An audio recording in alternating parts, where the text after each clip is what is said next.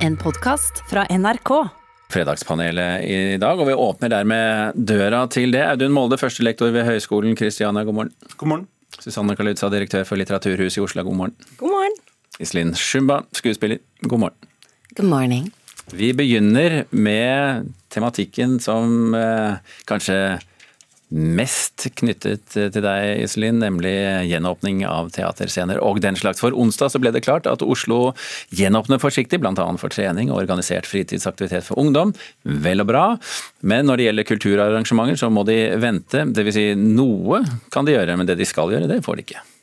Vi er åpne. Vi spiller teaterforestillinger for tomme saler. Vi har eh, en utmerket restaurant i foajeen vår som heter Kafé Løve. Der kunne vi innenfor dagens regelverk ha samlet i underkant av 50 mennesker til å spise mat og drikke vann og Coca-Cola, men det er ulovlig for oss å ta med ett menneske inn i teatersalen, som jo er et lokale som er fem ganger så stort, minst. Eh, og det syns vi er et eh, Ja, vi syns det er uforståelig, egentlig. Så vi tar eh, spørsmålet videre til Fredagspanelet. Er reglene ulogiske og vanskelig å forstå? Iselin? Ja. Nei. Ja. Ja, fint. Da tar vi den divergerende Susanne Kalutza. Eh, nei, eh, fordi primært så er det jo sånn at eh, så mye som mulig er stengt. Eh, og så har vi gjort noen små unntak. Eh, F.eks. For, for matservering. Vi har et aktivt mutantutbrudd i Oslo. Eh, vi har hatt en 50 økning i smitte den siste uka. Eh, Oslo har kapasitet til å sette 63 000 vaksiner i uka, men har bare satt 4% av befolkningen eh, er blitt vaksinert, 96% altså ikke.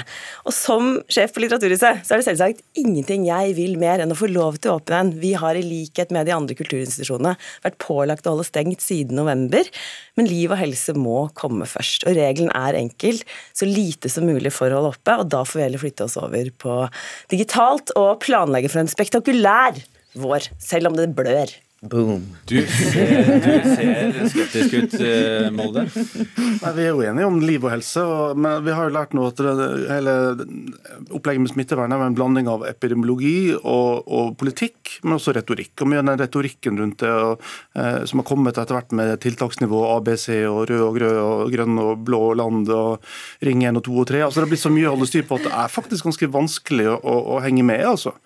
Eh, Man skjønner jo de grunnleggende tingene, avstand og holdes hjemme når man er syk og vaske hendene. og alt det der, det skjønner vi.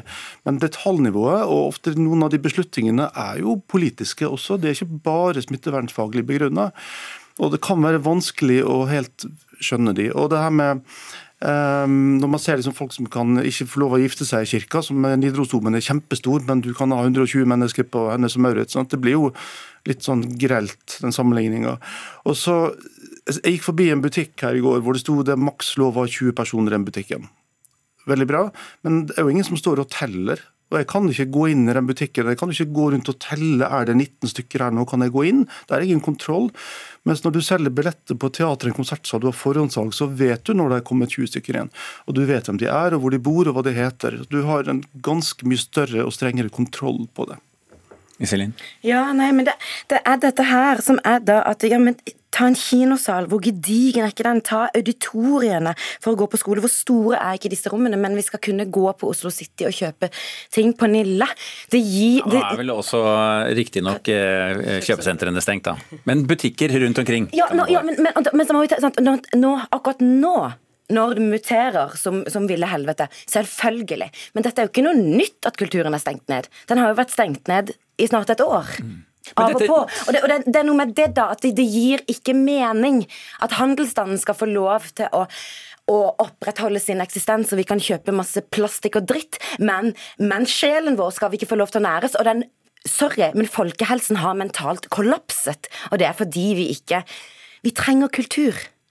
Kort, Karl-Utsa. Hjertens enig at vi trenger kultur, og hjertens enig at tiltakene som helhet, og særlig ekstra Joker Nord-tiltakene du skisserer, er veldig glad vi har eh, fått det rundet av i Oslo, for det var veldig forvirrende. Eh, Men eh, jeg tenker fortsatt at, at den Regelen om hvorfor vår restaurant for eksempel, får holde oppe mens Litteraturhuset må holde stengt, den syns jeg er forståelig. Vi har flytta arrangementene våre over digitalt. Vi har podkast med Edvard Louis, vi har foredrag om tvangsflytting av samer, og i morgen har vi fortellerstund for barn på kurdisk og norsk digitalt. Det er ikke bra nok, men det er da noe. Det er fantastisk. Alle har fått sagt sitt. Vi hopper til neste spørsmål. Eh, I en artikkel på nrk.no på onsdag så skrev NRK at Språkrådet vurderer å vrake ordet nordmann i forbindelse med diskusjonen om kjønnsnøytrale titler i offentlig sektor.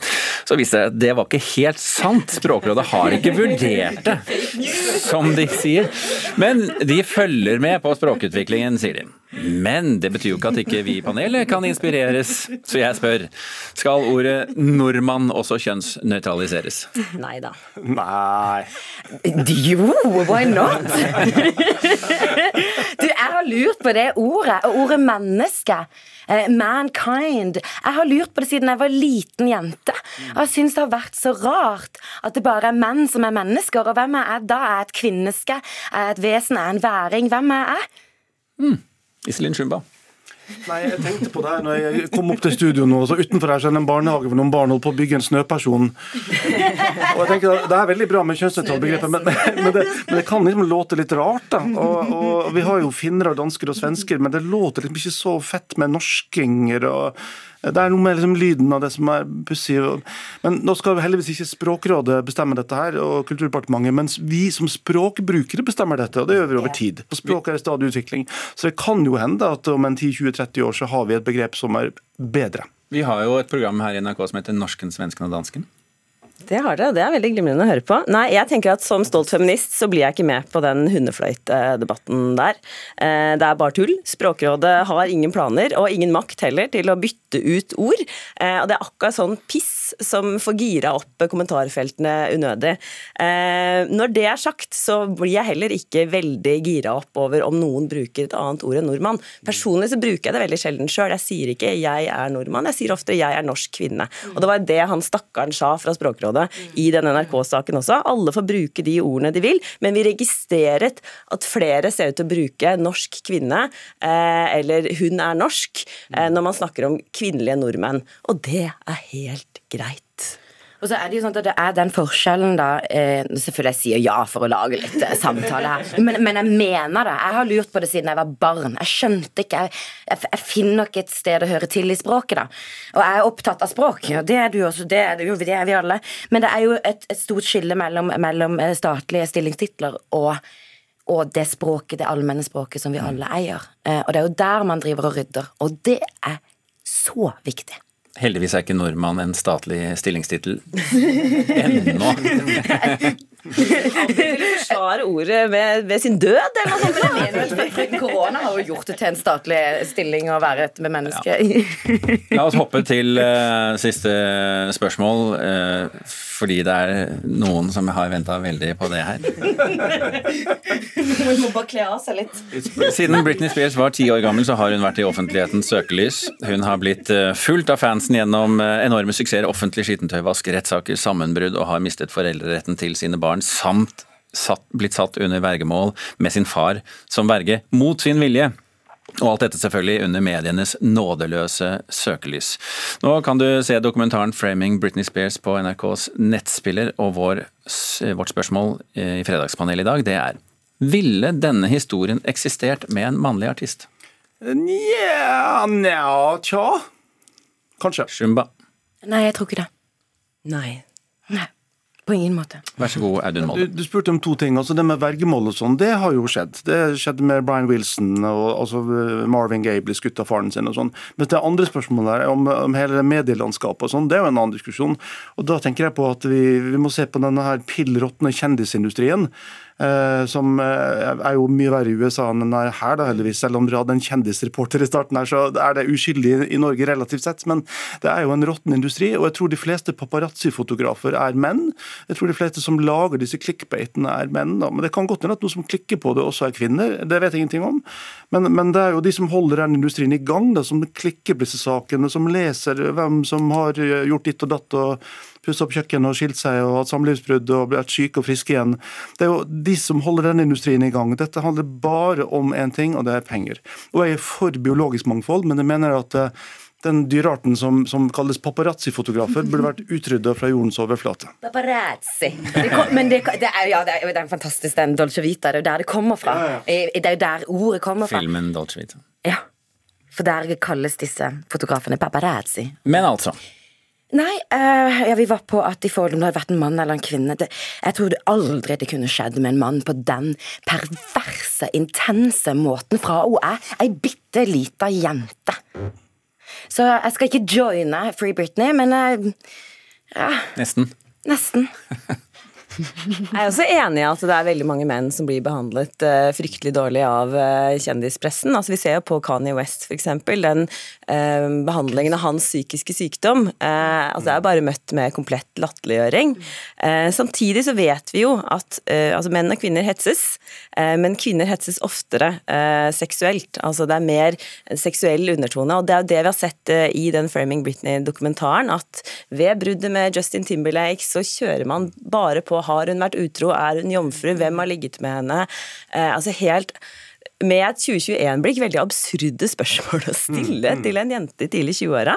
Um, Så ung. Helt, helt merkelig. Ja, ja. Eh, og så eh, er det jo at dette hvert vergemål har vart nå er det i 14 år eller noe sånt. Nå, 12, ja. Hun får ikke lov til å kjøre bil, hun får ikke lov til å gifte seg, hun får ikke lov til å få barn, hun får ikke lov til å gå på kafé, hun får ikke lov til å gjøre intervjuer Det er som ikke er samme klare, klarert. som en hvilken som helst saudiarabisk kvinne har, da, egentlig. Ja, særlig, eller Ja, hun det er prinsessen av Dubai. Eh, hun har jo friere enn prinsessen av Dubai, si. Ja, å, ja, ja, sant. Der er en som, sak. eh, ja. Hvorfor, hvorfor syns du det er interessant, Shimba? Nei, men man, man har en sant, og det er jo det tiden vil vise. Er jo så fanga som, som denne dokumentaren da viser. Men så er det samtidig, du kan tenke deg da, sånn som hun har vokst opp, at det er sånn, er det noen som er street smart her i verden, da? Så er det Britney. Eh, så, og så er det det derre Jeg, jeg mista tråden. Jeg kommer tilbake til det. Ja, men da kan jeg si mellomtiden. Jeg så på den der i, i går, og, og det som er liksom bisarr eh, opplevelse, er jo å se på alle disse fansen som snakker som om de kjenner henne personlig, som de eier henne, og de er liksom selvoppnevnte forsvarere for henne, både guttefans og jentefans. Og det bidrar jo ironisk nok til å forsterke hele den der eh, celebrity-industrien. Eh, Og ja, de gjør jo seg på en måte talspersoner for henne som ikke hun har bedt om.